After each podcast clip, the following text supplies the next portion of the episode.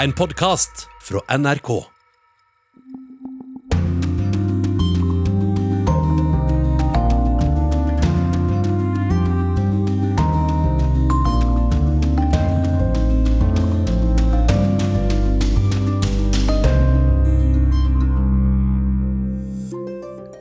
En av verdens mektigste menn er innlagt på sykehus. Hva skjer nå som Donald Trump er koronasmittet, spør vi. Om to uker skal EU og Storbritannia liksom være enige om en brexit, og hvor mange tror at de klarer det innen tidsfristen? Det spør vi to av våre korrespondenter om. Vi skal høre om den italienske tidligere innenriksministeren som sier at han er glad for at han blir dratt for retten. Og i korrespondentbrevet får vi høre at det ikke er så enkelt å komme seg tilbake til Moskva, selv om Jan Espen Kruse hadde dratt til Finnmark for å krysse på sykkel. Sykkelen den må du ha med selv, sa damen bak skranken. Det var jo et godt stykke til nærmeste sykkelforhandler, og mitt tidsskjema med kjøring til Murmansk og fly videre ville ryke fullstendig dersom jeg skulle skaffe en tohjuling. Ja, vel møtt til eh, Urix på lørdag for denne anledningen akkurat i dag også på TV og radio. Jeg heter Marit Kolberg.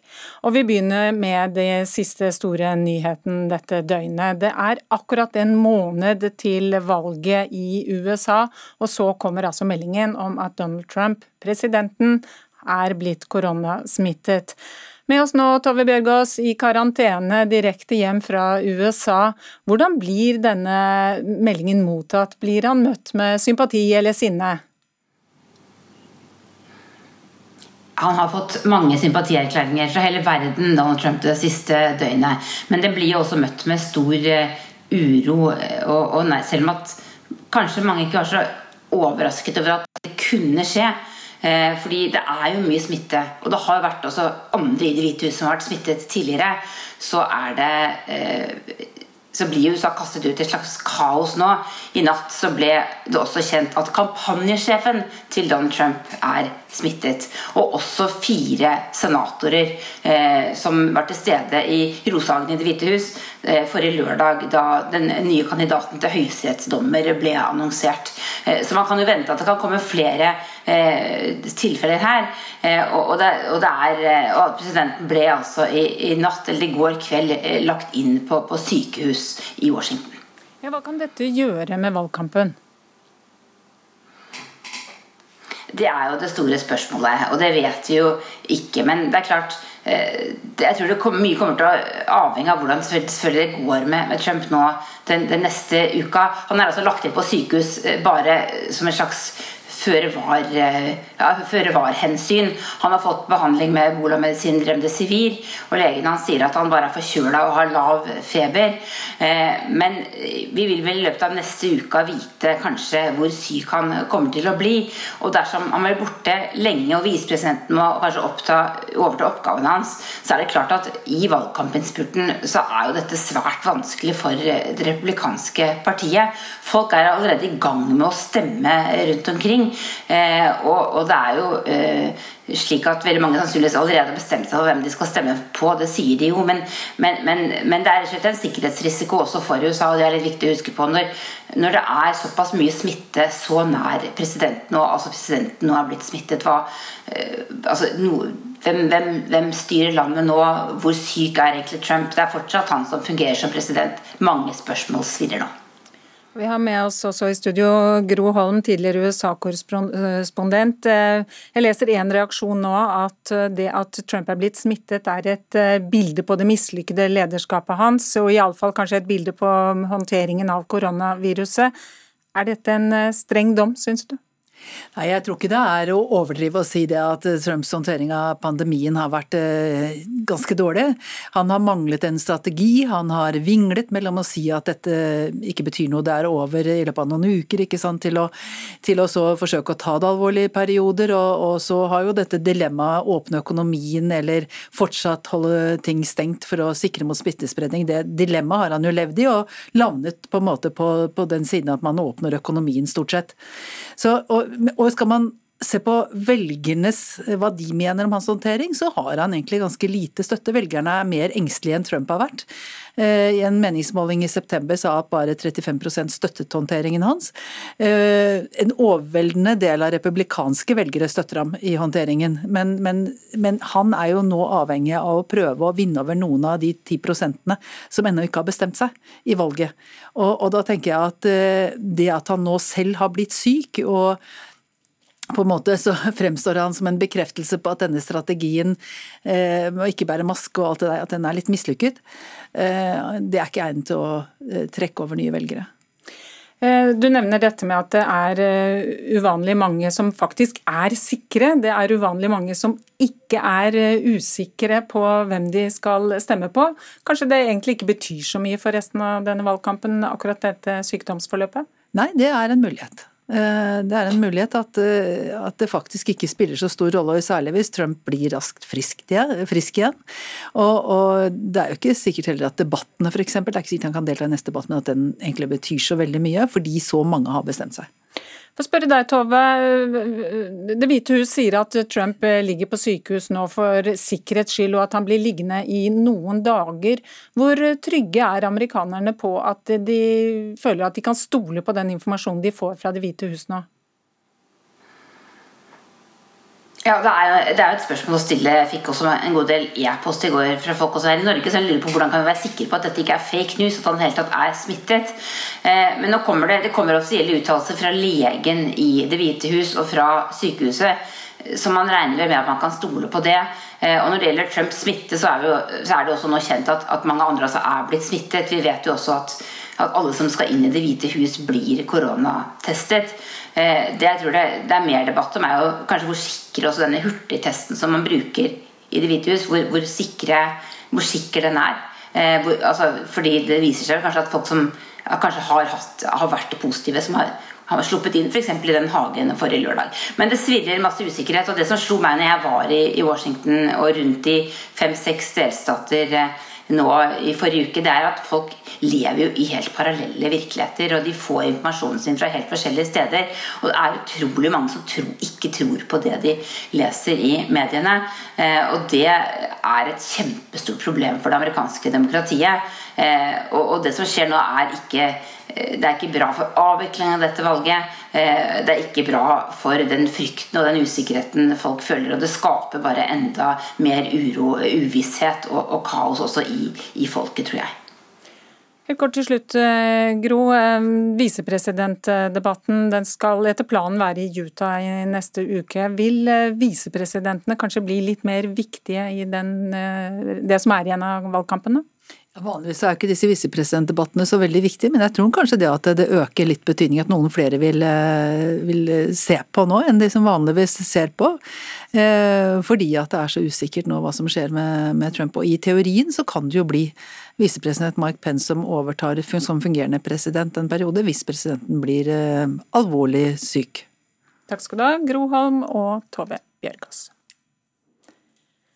Om snaue to uker, den 15. oktober, så skal Storbritannia og EU være enige om en avtale. Det er den fristen som britene har satt, for da mener de at da har de tid nok til å forberede seg til den endelige utmeldelsen, som er 31.12. i år. Vi skal snakke med London og Brussel om dette, men først tar vi et litt uhøytidelig blikk bakover. Skilsmisse mellom EU og Storbritannia. Britene har sagt nei til å forbli i unionen. As a Brexiteer, I know I'm not going to get everything I want.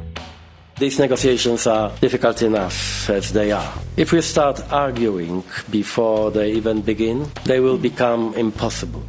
Negotiations are always difficult, but talks have not progressed as the we would have wished, and that leaves us very little time working for us to leave on the 29th of March. On the 29th of March. On the 29th of March. Let's come out of the EU on October the 31st and get this thing done. Order! Order! Vi skal jo ivareta norske interesser, og da er det viktig hvilken løsning EU og Storbritannia måtte komme frem til. I've been wondering what that special place in hell looks like for those who promoted Brexit without even a sketch of a plan how to carry it safely. Let's get Brexit done, my friends, and get on with our project. Heller ikke i dag greide britene å bli enige om hvordan Storbritannia skal gå ut av EU. We are committed in order to reach an agreement, but not at any cost.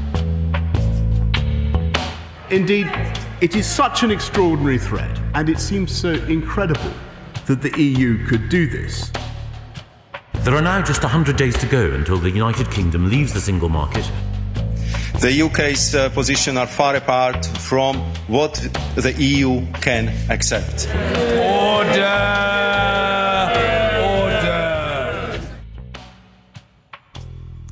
Vi kan jo høre med deg da, Øyvind Nyborg. Vi må vel kunne fastslå at det har vært mer uorden og kaos enn order i disse forhandlingene?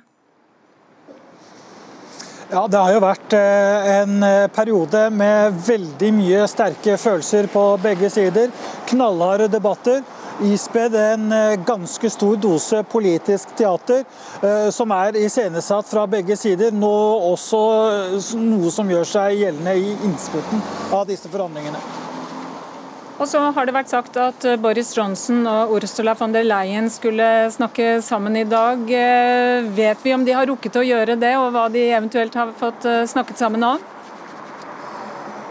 Begge parter de har jo lagt eh, hver sin pistol på forhandlingsbordet, så det er ganske alvorlig. Det man har eh, allikevel sagt som er positivt, er at eh, selv om pistolene ligger der, så skal man fortsette å forhandle og håpe at man i siste øyeblikk blir enige. Og Det jeg sikter til, det er jo at britene har bestemt seg for å rive i stykker en liten del av utmeldingsavtalen og bryte den. Det vil sett på som en brudd på en internasjonal avtale, mens EU på sin side de har jo da satt i gang eh, et søksmål mot britene på akkurat eh, dette området. Men allikevel pågår forhandlingene, og det må ses på som et eh, godt tegn. Ja, for Det har vært nok av snubletråder i løpet av disse årene de har holdt på etter hvert nå. Når kan vi regne med å få vite noe mer, eller må vi bare innse at det kommer til å bli forsinkelser igjen? Det er positivt at man eh, nå har sagt at man skal inn i den såkalte forhandlingstunnelen. Så eh, får vi se hva som eh, kommer ut i den andre enden. Men det er klart at begge parter her ønsker en avtale, og ingen av partene har heller noen interesse av å være den første som eventuelt går fra forhandlingsbordet og være den som får skylda for at det hele ikke går. Men det skal holde hardt om man klarer fristen på 15.10 som britene har satt for å få dette her til. Dette er ikke over før den feite dama begynner å synge. Nei, det var det. Det er mye fine metaforer i disse samtalene her. Takk skal du ha, Øyvind Nyborg, direkte med oss fra Leeds. Og da går vi eh, raskt videre vi til eh, Brussel, der du er, eh, Simen Ekern. Partene har altså forhandlet der denne uka. Hvordan har det gått? Det er eh, forsiktig optimistiske signaler hvis man skal legge pressemeldingene fra både britene og, og europeerne til eh, grunn. Men det er klart den optimismen bunner kanskje først og fremst i at forhandlingene fortsatt pågår, som vi hørte fra London. Det er ikke noen gjennombrudd å melde om, sa Angela Merkel. Men i og med at man fortsatt sitter der, så håper man at det skal la seg gjøre å komme et eller annet steg videre. Men det er en del veldig viktige saker som gjenstår. For EUs del handler det bl.a. om eh, fisk og retten til eh, å fiske der eh, man har pleid å fiske. Særlig for franskmennene er dette avgjørende.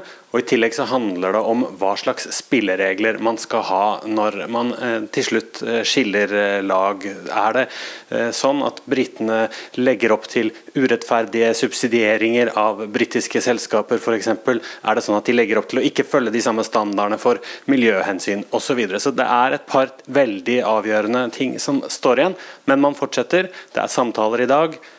Forhandlingene fortsetter i London på mandag, etter alt å dømme. Det er jo forferdelig mye som skal ordnes før alt dette er klart. En sånn detalj som at uh, avtalen skal oversettes til alle de 24 offisielle EU-språkene. Og så skal jo de igjen godkjennes, ikke nødvendigvis ratifiseres, da, av de forskjellige landene. Um, men det er en annen ting jeg har bitt meg litt merke til. er jo, Vi hører det, alle disse metaforene som blir brukt her. Øyvind Nyborg snakket om til revolveren som blir lagt på bordet og, og slike ting. Og nå snakkes det om at forhandlerne skal ned i tunnelen eller inn i en undervannsbåt. Hvorfor snakker man om forhandlingene på den måten?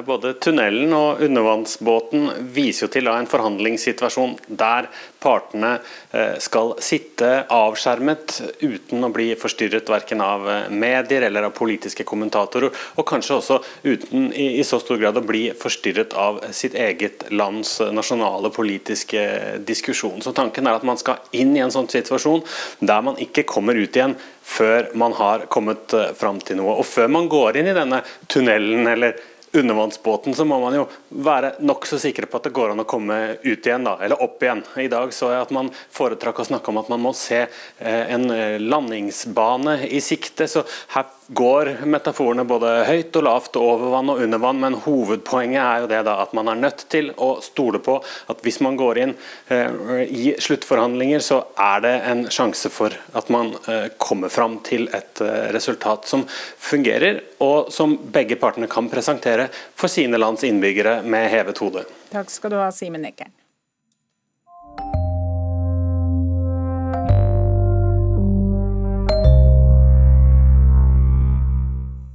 I dag starter en rettssak mot Italias tidligere innenriksminister. Matteo Salvini er eh, tiltalt for kidnapping. Han må møte for retten eh, på Cecilia i dag, og sier han er glad for å være nødt til å gjøre det. Colpevole, signor giudice, di aver difeso le leggi, i confini, l'onore e la dignità del mio paese. Jeg er skyldig og stolt av det, herr dommer, sier Matteo Salvini fra scenen. Denne septemberkvelden er Salvini i Cittadella, en liten by i Veneto nord i Italia. Han er her for å drive valgkamp, og han snakker om både det ene og det andre, men både for ham og tilhengerne er det én sak som dominerer. Salvini er anklaget for kidnapping. 3.10 begynner rettssaken der Matteo Salvini skal svare for en avgjørelse han tok i fjor sommer, da han var innenriksminister i Italia. 135 flyktninger var reddet om bord på det italienske kystvaktskipet Bruno Gregoretti. Flere av dem var syke. Heten var kvelende. Men Salvini nektet båten å legge til kai. I fem dager ventet passasjerene som brikker i et storpolitisk spill om hvem som skal ha ansvaret for menneskene som kommer over Middelhavet.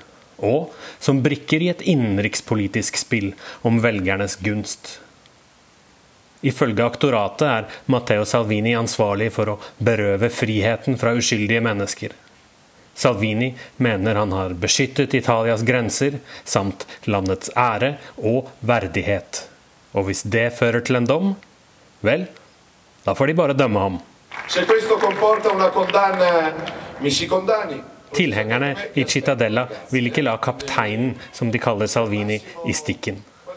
Processate anche me, still meg for retten også, står det på T-skjorter og plakater.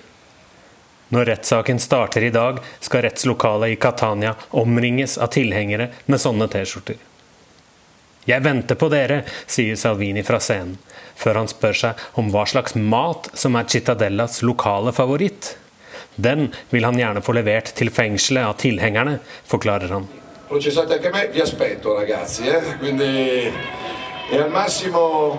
er det eh? Piatto tipico di Cittadella? Cosa si mangia qua? Polenta e osei. No, i over 20 år har flyktninger og migranter blitt plukket opp på havet og hjulpet i land av italienske myndigheter.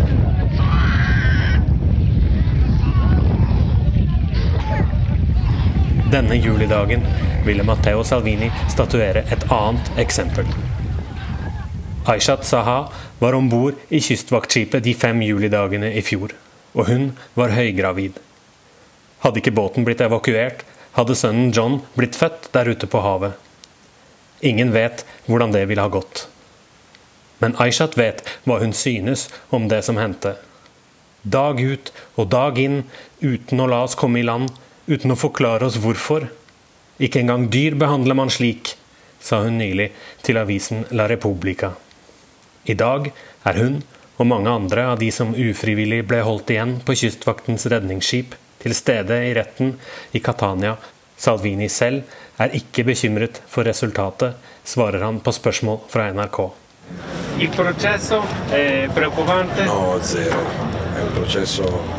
Ikke i det hele tatt. Dette er bare en politisk rettssak. At jeg skulle være en farlig kriminell som fortjener fengsel, det får meg bare til å smile, sier han. Lørdager pleier jeg å leke med barna mine. Nå må jeg kaste bort tiden og dra til Catania. Men jeg er helt rolig.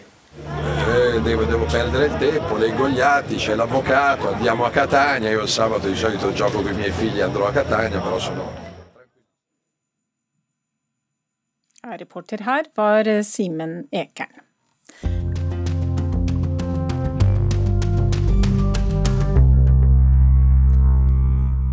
Nå over til Frankrike, der det kan bli forbudt å utstede såkalte jomfrubevis.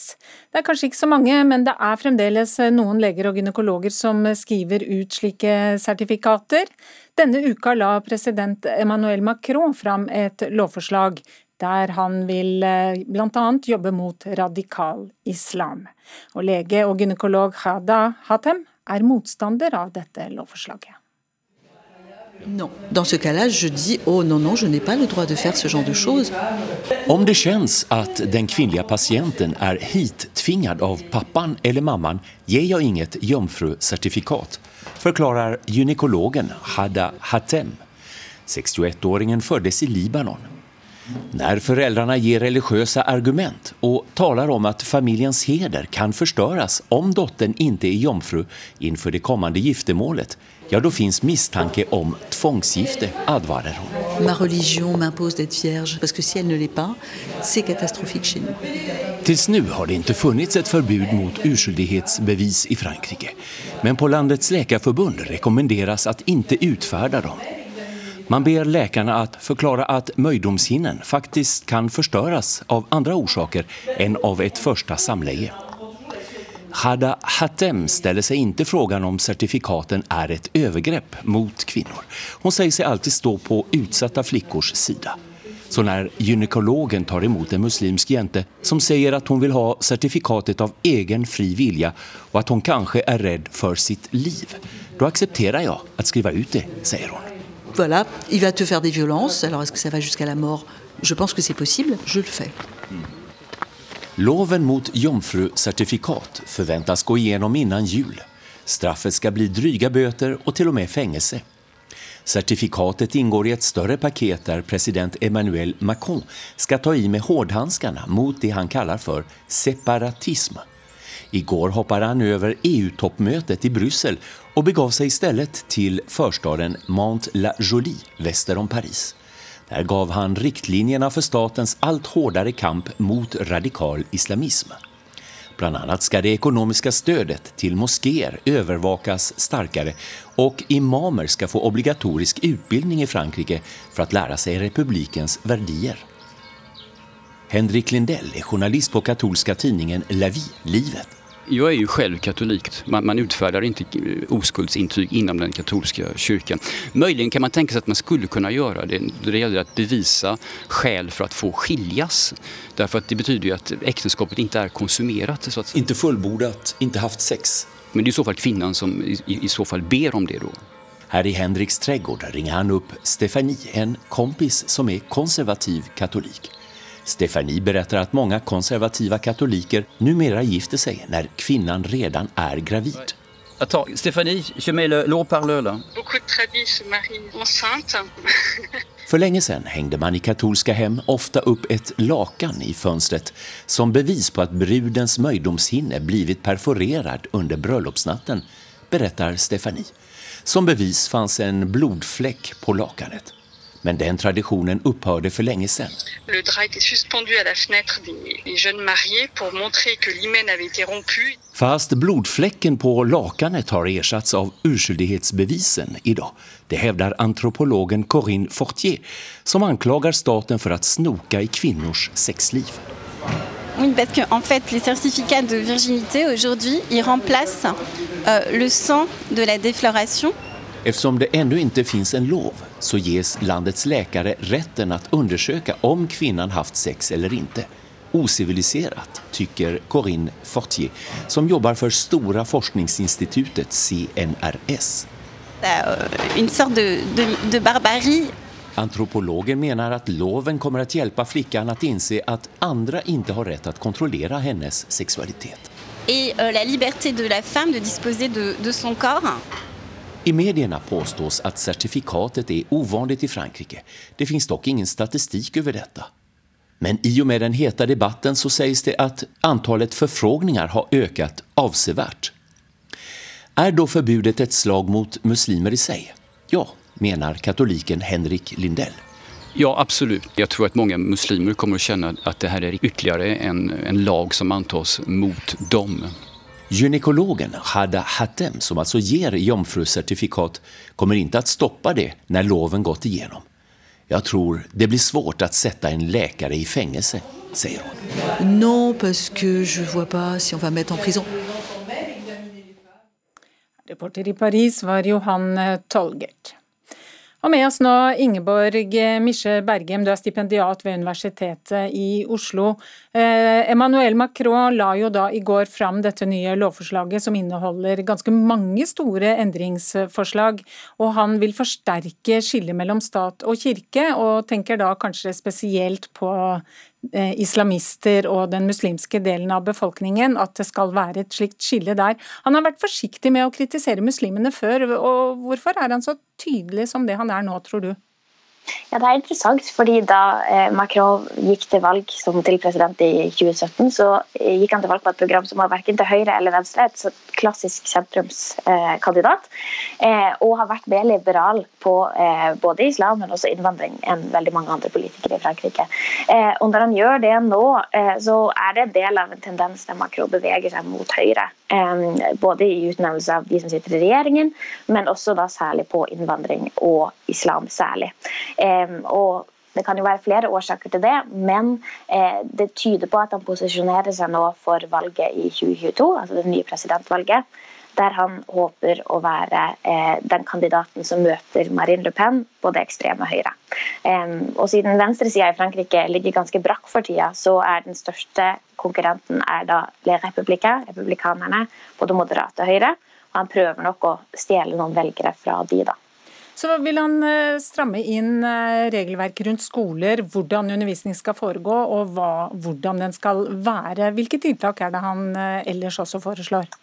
Ja, det er Han sier at han vil gjøre islam mer fransk. Han vil ta kontroll over en del av undervisninga. Eh, og det viktigste er kanskje at han sier at det ikke skal være lov med hjemmeskole eh, lenger. I Frankrike så begynner barn på skolen når de er tre år, men ca. 50 000 barn har hatt hjemmeskole. Eh, og det skal da fra 2021 ikke være lov lenger. og så vil han også eh, ta, ha mer arabiskundervisning i den offentlige skolen, eh, sånn at da folk ikke nødvendigvis da trenger å gå på koranskoler. han vil også ha mer kontroll over imamutdannelsen og ha en offisielt godkjent stempel eh, på imamutdannelsen, sånn at man da ikke har imamer fra andre land. og også kontrollere da finansieringen av moskeer, sånn at man ikke får utenlandsfinansiering. Det er ganske store endringer som eh, foreslås her. Takk for at du var med oss eh, på direkten, Ingeborg Misje Bergem. Da forlater vi TV-ruta her i Urix på lørdag. Vi sender videre i radioens P2, og på NRK1 så fortsetter mine kolleger med flere nyheter og reaksjoner på at president Donald Trump er blitt koronasmittet.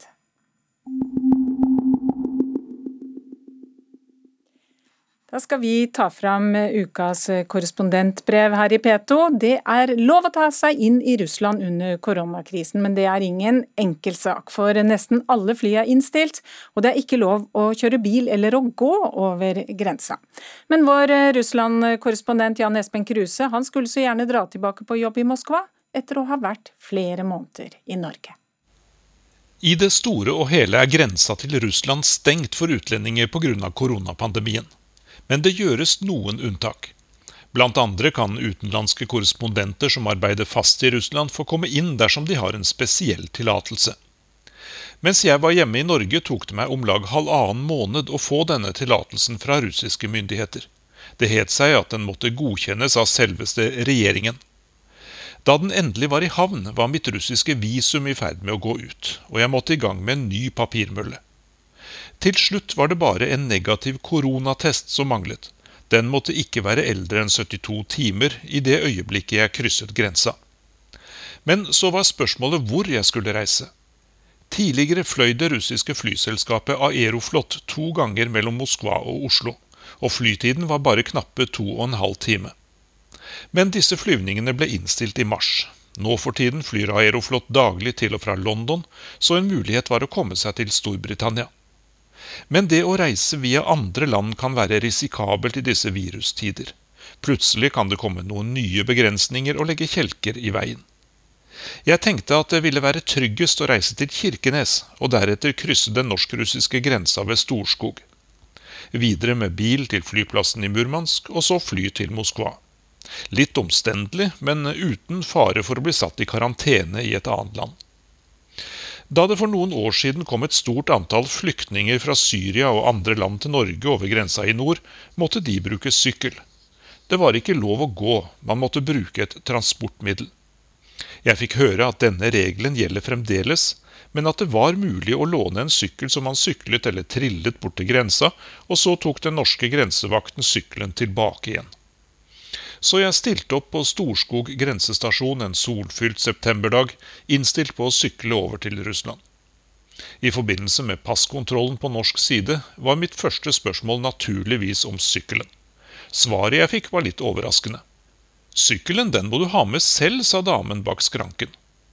Det var jo et godt stykke til nærmeste sykkelforhandler, og mitt tidsskjema med kjøring til Murmansk og fly videre ville ryke fullstendig dersom jeg skulle skaffe en tohjuling. Damen på Storskog så kanskje min fortvilelse, for hun sa at hun skulle snakke med de på den andre siden. Hun ble borte, og jeg fikk god tid til å lese informasjonen som var klistret opp på veggen ved passkontrollen. På norsk, russisk og engelsk sto det det er strengt forbudt å gå til fots over den norsk-russiske grensa. Da hun kom tilbake, viste det seg at forbudet ikke var fullt så strengt som det virket. Den andre siden hadde nemlig gått med på å gi dispensasjon til denne korrespondenten.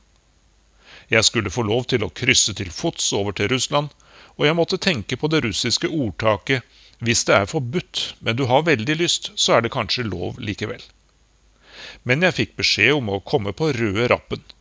En grenseoffiser og en toller sto nemlig allerede klare på den russiske siden av grenselinja, og bommen var oppe både på norsk og russisk side. Jeg brant jo av lyst til å ta et bilde av det hele, men på grensa er det minst like strengt å fotografere som å gå til fots. Den russiske grenseoffiseren bare ristet på hodet da jeg spurte om jeg kunne få dispensasjon til å ta et bilde av meg selv også. Tolleren var vennligheten selv og trillet den ene kofferten min et par hundre meter bort til bygningen der kontrollen skulle foregå. Mens vi ruslet bortover, spurte jeg grenseoffiseren om det var Norge eller Russland som hadde funnet på dette med at sykkel nå var det gjeldende transportmiddel. Han svarte bare at det står i grenseavtalen at det ikke er tillatt å gå, og at det må brukes en form for transport. De som på slutten av 40-tallet laget avtalen, regnet nok med at ulike typer delegasjoner skulle bruke denne grenseovergangen. Og de ville ha transport. De forestilte seg neppe at Storskog skulle bli et sted hvor store mengder enkeltpersoner skulle krysse over grensa mellom Russland og Norge. På den russiske grensestasjonen var jeg eneste kunde, så det gikk ganske kjapt å få gjort unna formalitetene med pass, toll og viruskontroll. Den russiske sjåføren som skulle frakte meg til flyplassen i Murmansk, var på plass, og det var bare å kjøre innover Kolahalvøya. Med en rask stopp på den eneste kafeen langs veien i grensesonen. Der fikk jeg kjøpt den kraftige russiske suppen saljanka, og igjen var jeg eneste kunde. I sin storhetstid hadde Murmansk om lag en halv million innbyggere. Nå nærmer nok folketallet seg 300 000. Men likevel kom og gikk flyene mens jeg ventet på mitt til Moskva. Flyplassen er liten og trang, og selv under koronakrisen var det ganske mye folk der. Bare noen få brukte munnbind og engangshansker slik det gis råd om men da passasjerene skulle om bord i flyet, kom i hvert fall munnbindene på. En del av dem tok av munnbindet så snart de så sitt snitt til det, og besetningen hadde en stri tørn med å be passasjerene om å ta beskyttelsen på igjen.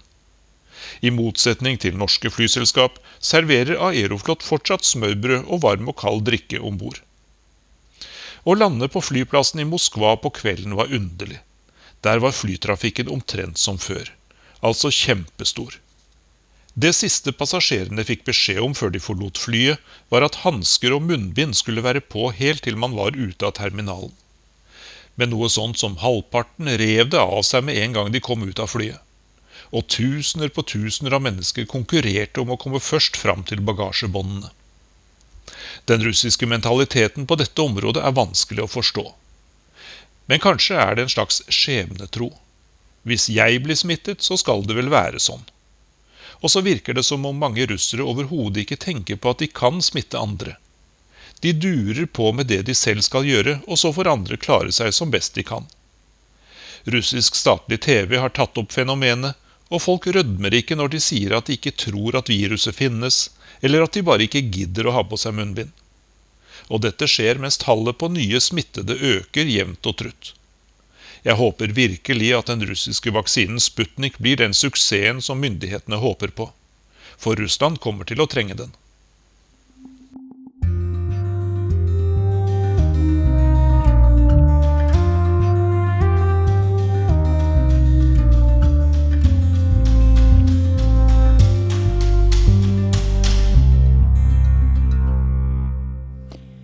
Fra Russland så vender vi blikket tilbake til USA igjen nå i Urix på lørdag. Den første duellen mellom Donald Trump og Joe Biden var ikke presidentembetet verdig, mente mange kommentatorer. Og i vippestaten Pennsylvania er folk fullstendig uenige om hva det var som skjedde i den debatten, slik som de er det med det meste annet også. Nå kan du bli med oss til USA i den første av fem episoder i Krig og fred i Amerika, en serie om stridene som river amerikanerne fra hverandre.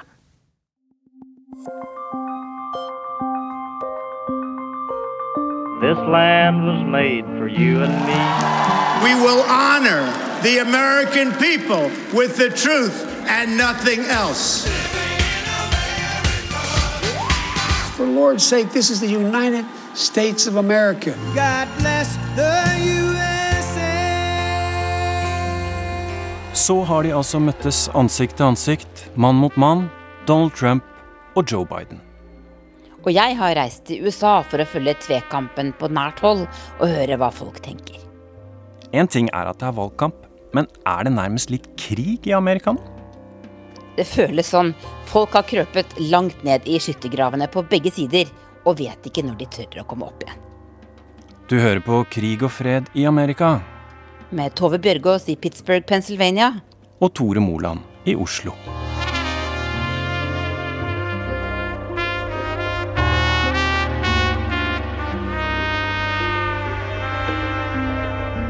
Is that the Democrats that run these cities ridiculous.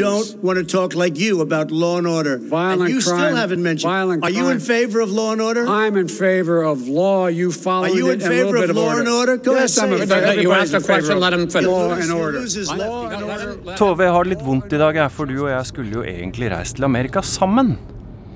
Ja, jeg skulle gjerne hatt det her. Vi skulle jo vært her begge to og reist rundt nå, men det gikk ikke pga. korona. Så da ble det bare du som dro. Hva er det du har gjort? Hvem er det du har møtt? Jeg har kjørt eh, i sør og nord og øst og vest i en drøy uke nå. Jeg tror jeg har sittet i bilen i mellom 25 og 30 timer. Og nå har jeg endt opp i Pennsylvania i noen dager for å følge debatten og så snakke med folk om hvordan de egentlig har det i denne helt spesielle valgkampen. Da er det på med munnbindet, for nå skal jeg gå inn på dette watch-partyet for den første debatten mellom Trump og Biden. Og her øser jeg dere. Hvorfor er eh, Pennsylvania så viktig i denne valgkampen, Tove? Det er fordi dette er en av delstatene der Trump avgjorde valget sist. Da var det veldig sterk splittelse her. Eh, og så har det bare eskalert etter at koronapandemien rammet. Ja, det har vært mye uro i Pennsylvania, rett og slett. Ja, det har vært eh, store demonstrasjoner eh, mot nedstengningen under koronapandemien. Og veldig stor uenighet eh, om det meste, egentlig. Og det ble også tydelig under denne presidentdebatten. Eh, da samlet folk seg på hver side for å se på debatten. Og jeg tok turen til en eh, litt sånn forfallen kafé oppe i en ås over Pittsburgh eh, for å møte noen republikanere. I'm 100% in favor of President Trump. I think he's done an incredible job for our country. My name is Danny DeVito. I'm the Republican nominee for state representative. I am running to go represent my community in Harrisburg, Pennsylvania at the state level. And you're quite young. I'm 28 years old, yes. Yes, that's not very young for running for office in the United States. I think it is very young, but I saw the opportunity and I decided to run. And I think that we're entering a time period now where we need younger candidates who want to go and work around the clock for the people of this district. How do you feel? The poll that came out today for Pennsylvania was not the best. Do you watch polls? I look at the polls, but last time the polls all said President Trump was going to lose, and they turned out to be totally wrong. And, you know, I, I, look at them, but I take them with a grain of salt, too. I think that speaking from my own experience from the gut, when I go door to door, I'm finding a lot of people who support President Trump. And I think we call it the silent majority, and I think that's going to happen again in November. What do you think might happen after the election? You think he's going to leave office if he doesn't win? I don't think President Trump has a chance of losing. I think that what the Democrats are trying to do is they're trying to use mail in ballots to scam the process. They're trying to use mail in ballots to commit fraud. And I think that President Trump uh, has no chance of losing the election. But, you know, I think that when the Democrats uh, use those types of talking points, you know, what they're trying to do is they're the ones trying to delegitimize the election. I think that they're the ones trying to instill fear in the populace, and they're the ones trying to say, well, President Trump doesn't want to leave office. I disagree with him. Yeah, no, I disagree with both of them. And he didn't say that. He said he could be there, but he could also be... Rundt 20 mennesker er samlet inne på den litt mørke baren som heter Mickey's Place. De er veldig fornøyde med det de ser i debatten mellom Trump og Biden. De spiser pizza og drikker øl. Ingen har på seg munnbind, selv om det er påbudt og det står et skilt på døra. What do you think so far? You know, I think Trump is absolutely winning. I think that Biden is not making a case at all. And I think, you know, this is really illustrating why we voted for President Trump in 2016 and why, why? we're, we're going to vote for him again in 2020. How is he illustrating it? He understands the issues. And frankly, he's, you know, I think Biden is senile or something. I mean, he, you know, he obviously doesn't have control of his own faculties. And I don't think we can turn over control of the country to somebody like that. Right. I don't think Biden even knows what day of the week it is. Nå er de snart halvveis i debatten her på puben utenfor Pittsburgh. Jeg tror jeg stikker videre, for det er vel egentlig ikke noe spesielt eh, stor grunn til å tro at de som er her, kommer til å gi en annen kommentar når dette er ferdig. De er åpenbart veldig fornøyd med det de får se. I'm gonna head out. Good luck.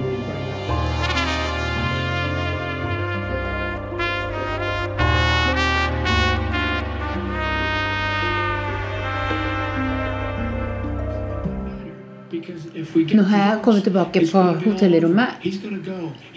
Biden og Trump krangler fortsatt et par minutter igjen av debatten. Og jeg har lodda meg på et annet eh, party, en annen eh, fest. Eh, men den er på nett, på nettplattformen Discord. Der er det 136 deltakere fra universitetet Carnegie Mellon som diskuterer debatten mens de sitter rundt på hyblene sine eller på internatrommene sine og ser på hver for seg, eller kanskje to og to pga. koronapandemien. Og en av dem heter Aiden. Og han skal vel sannsynligvis stemme for første gang. Hello. Hello? Hello. Hi, Hi, there you are. Hi, Aiden. How are you doing? I'm doing. I'm doing all right. That was a pretty crazy debate. That was a very different debate, wasn't it? Very, very different. I guess you could say. That's a good way to describe the last few years, honestly. My name's Aiden Halpern. I am 21 years old. I'm studying at Carnegie Mellon, uh, studying international relations and behavioral economics in Pittsburgh. Tell me a little bit about the party you had tonight.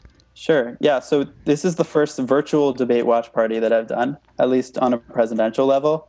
Um, usually, I would, you know, be in a crowded room. So for this one, we had a Discord uh, chat, and um, I had my my computer playing the video, and my friend um, he had the Discord chat going. So I was able to read all the the different messages that people were sending. There was a bingo game, like you could cross off different uh, bingo squares if when when different things were said. Um, I know some people were doing drinking games. We ended up not doing a drinking game. Uh, I guess I was just too focused on what was happening in the debate. So, uh, how important are these debates for you in, in, in choosing who to vote for? I've already chosen who I'm voting for. So, I guess it's not that hard to guess who you're voting for. yeah, I'm voting for I'm voting for Joe Biden. I'm not I'm not terribly enthusiastic about it. Um, I was a Bernie supporter in the primary.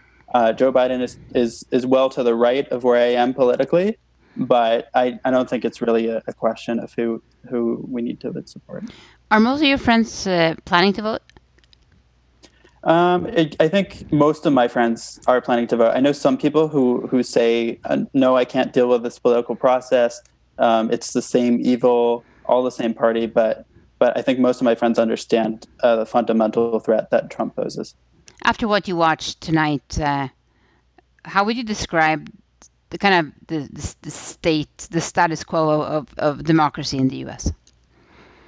I think it's it's it's extremely unstable I I worry that um, we have little time left. If, if um, for example, if Trump tries to go through with his plan to um, uh, subvert the election results to try to discount millions of people's mail-in votes, I think that could potentially be disastrous.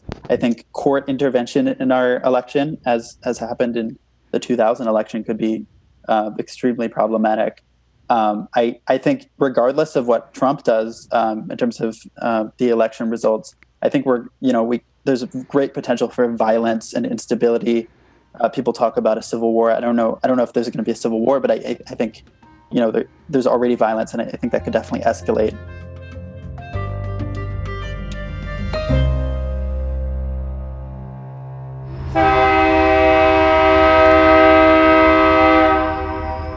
Lyden av gammel storhet kan fortsatt høres i Pittsburgh.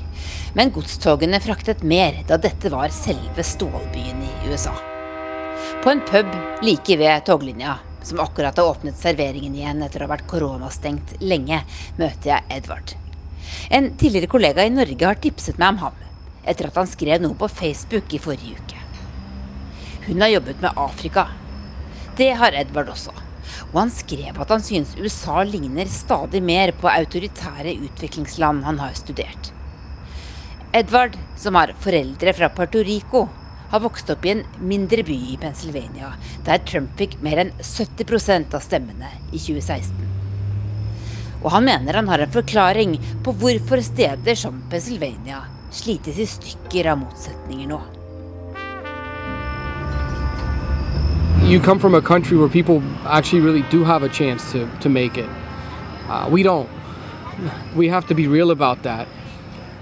Americans can't see it that way because we've been told from day one of our life here in this country that we live in the greatest country on earth. Our income disparities, I mean, Kenya has lesser income disparity than the United States. It's among the worst in the world. Even amongst some of the African countries I go, I've been researching this a lot for my new book, so this stuff's kind of top of my head. And I, I mean, you could couple that with our liberal gun laws, and that's probably why we have a crime problem. Because so many people just can't see a way out.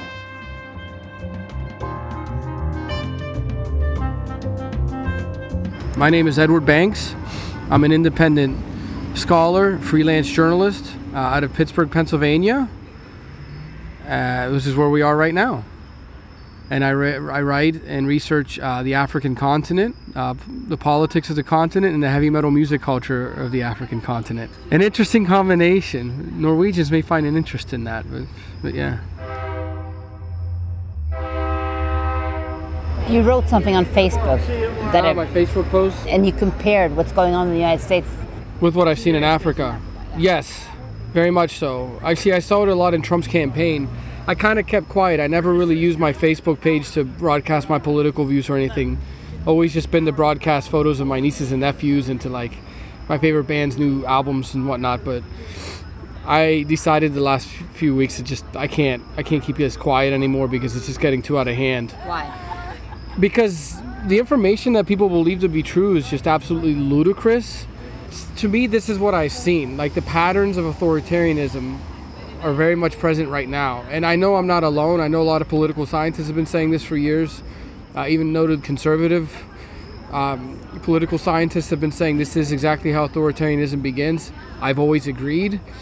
Um, authoritarianism is a tipping point. It's a series of events that happens that leads to a point where an unquestioned authority and a ruler. And now that he's campaigning for re-election, he's also campaigned on on on the blatant platform of just stealing the election, of not recognizing it, and he hammered down on it twice this week.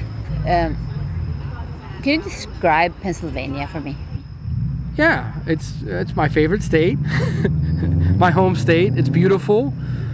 It's fairly large uh, geographically. We're about 15 million. Uh, we're long east to west, not as much north to south. You can drive north to south in the state in two and a half hours. For America, that's pretty long. I don't think that's long for Norway, but it's a six-hour drive from east to west. Uh, Pennsylvania has long been marked by its in- industries. So, so how, how has uh, COVID affected you? Personally, uh, we've been okay in our family, thankfully. Uh, I've known of people that have gotten this. I've known of people that have been hospitalized. I've known of friends of friends who have passed away, sadly, from it. Uh, you know, it, but it's it's affected us all here. It shut us down. Um, uh, the worst part about it is, is being surrounded by. I mean, I live in a region where there's a lot of willful denialism on it, and it's just frustrating because shouting matches in public, you know, it's just So, so explain that to me. So people are, are arguing about the virus. Yeah, because they, they get their information from specious sources, let's say. Uh, Facebook pages, Twitter links, um, the president. yeah. So what, what is the most, uh, the craziest thing you've experienced? Uh, people actually fist fighting over their political views, um, which is never I've never seen before personally here. Like in the bar or just... Uh, yes, I have fist fights in bars, shouting matches. Um, I mean, uh, the shouts of people calling each other racist. There have been um, like racial epithets thrown at friends of mine who are not white. Uh, I've been told to go back to where I come from, being a Hispanic, more often than I wanted to be in the last few years. But you, know, you have to move on from it. But uh, a Trumper definitely told me once I don't even belong to be here.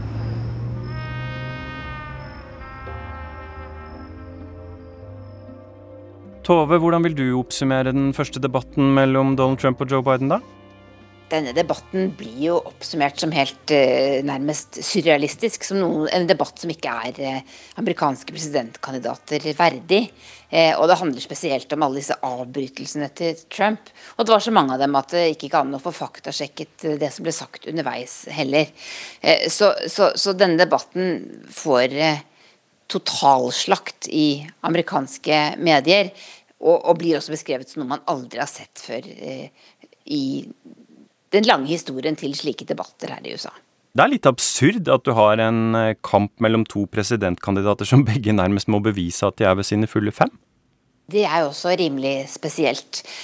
Men jeg syns på en måte at det beskriver litt stemningen i dette landet. Det er akkurat som hele landet er litt surrealistisk om dagen. Og de møtene jeg har hatt de siste ukene når jeg har reist rundt her borte, viser bare hvor utrolig langt fra hverandre folk står. Og nå hørte vi akkurat Edvard snakke om autoritære tendenser og hvordan USA er på vei utfor stupet. Og så kan vi snu oss til Danny DeVito, som ikke er oppkalt etter en skuespiller med samme navn, altså denne republikaneren eh, som jeg så debatten sammen med.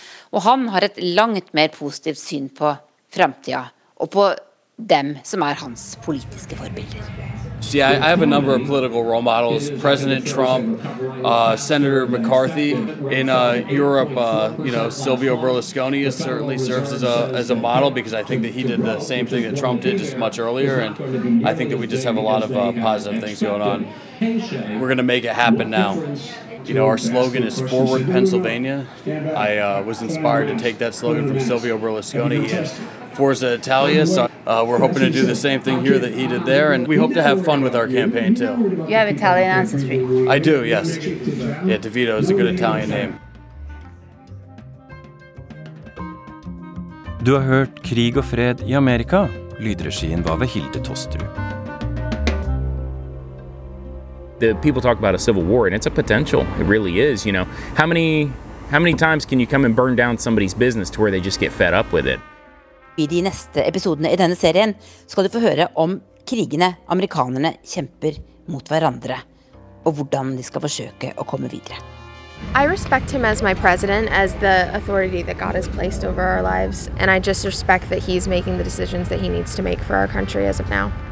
Mye av det amerikanerne ligger i krig om, det er det vi skal fokusere på fram mot det amerikanske presidentvalget i krig og fred i Amerika. Følg med.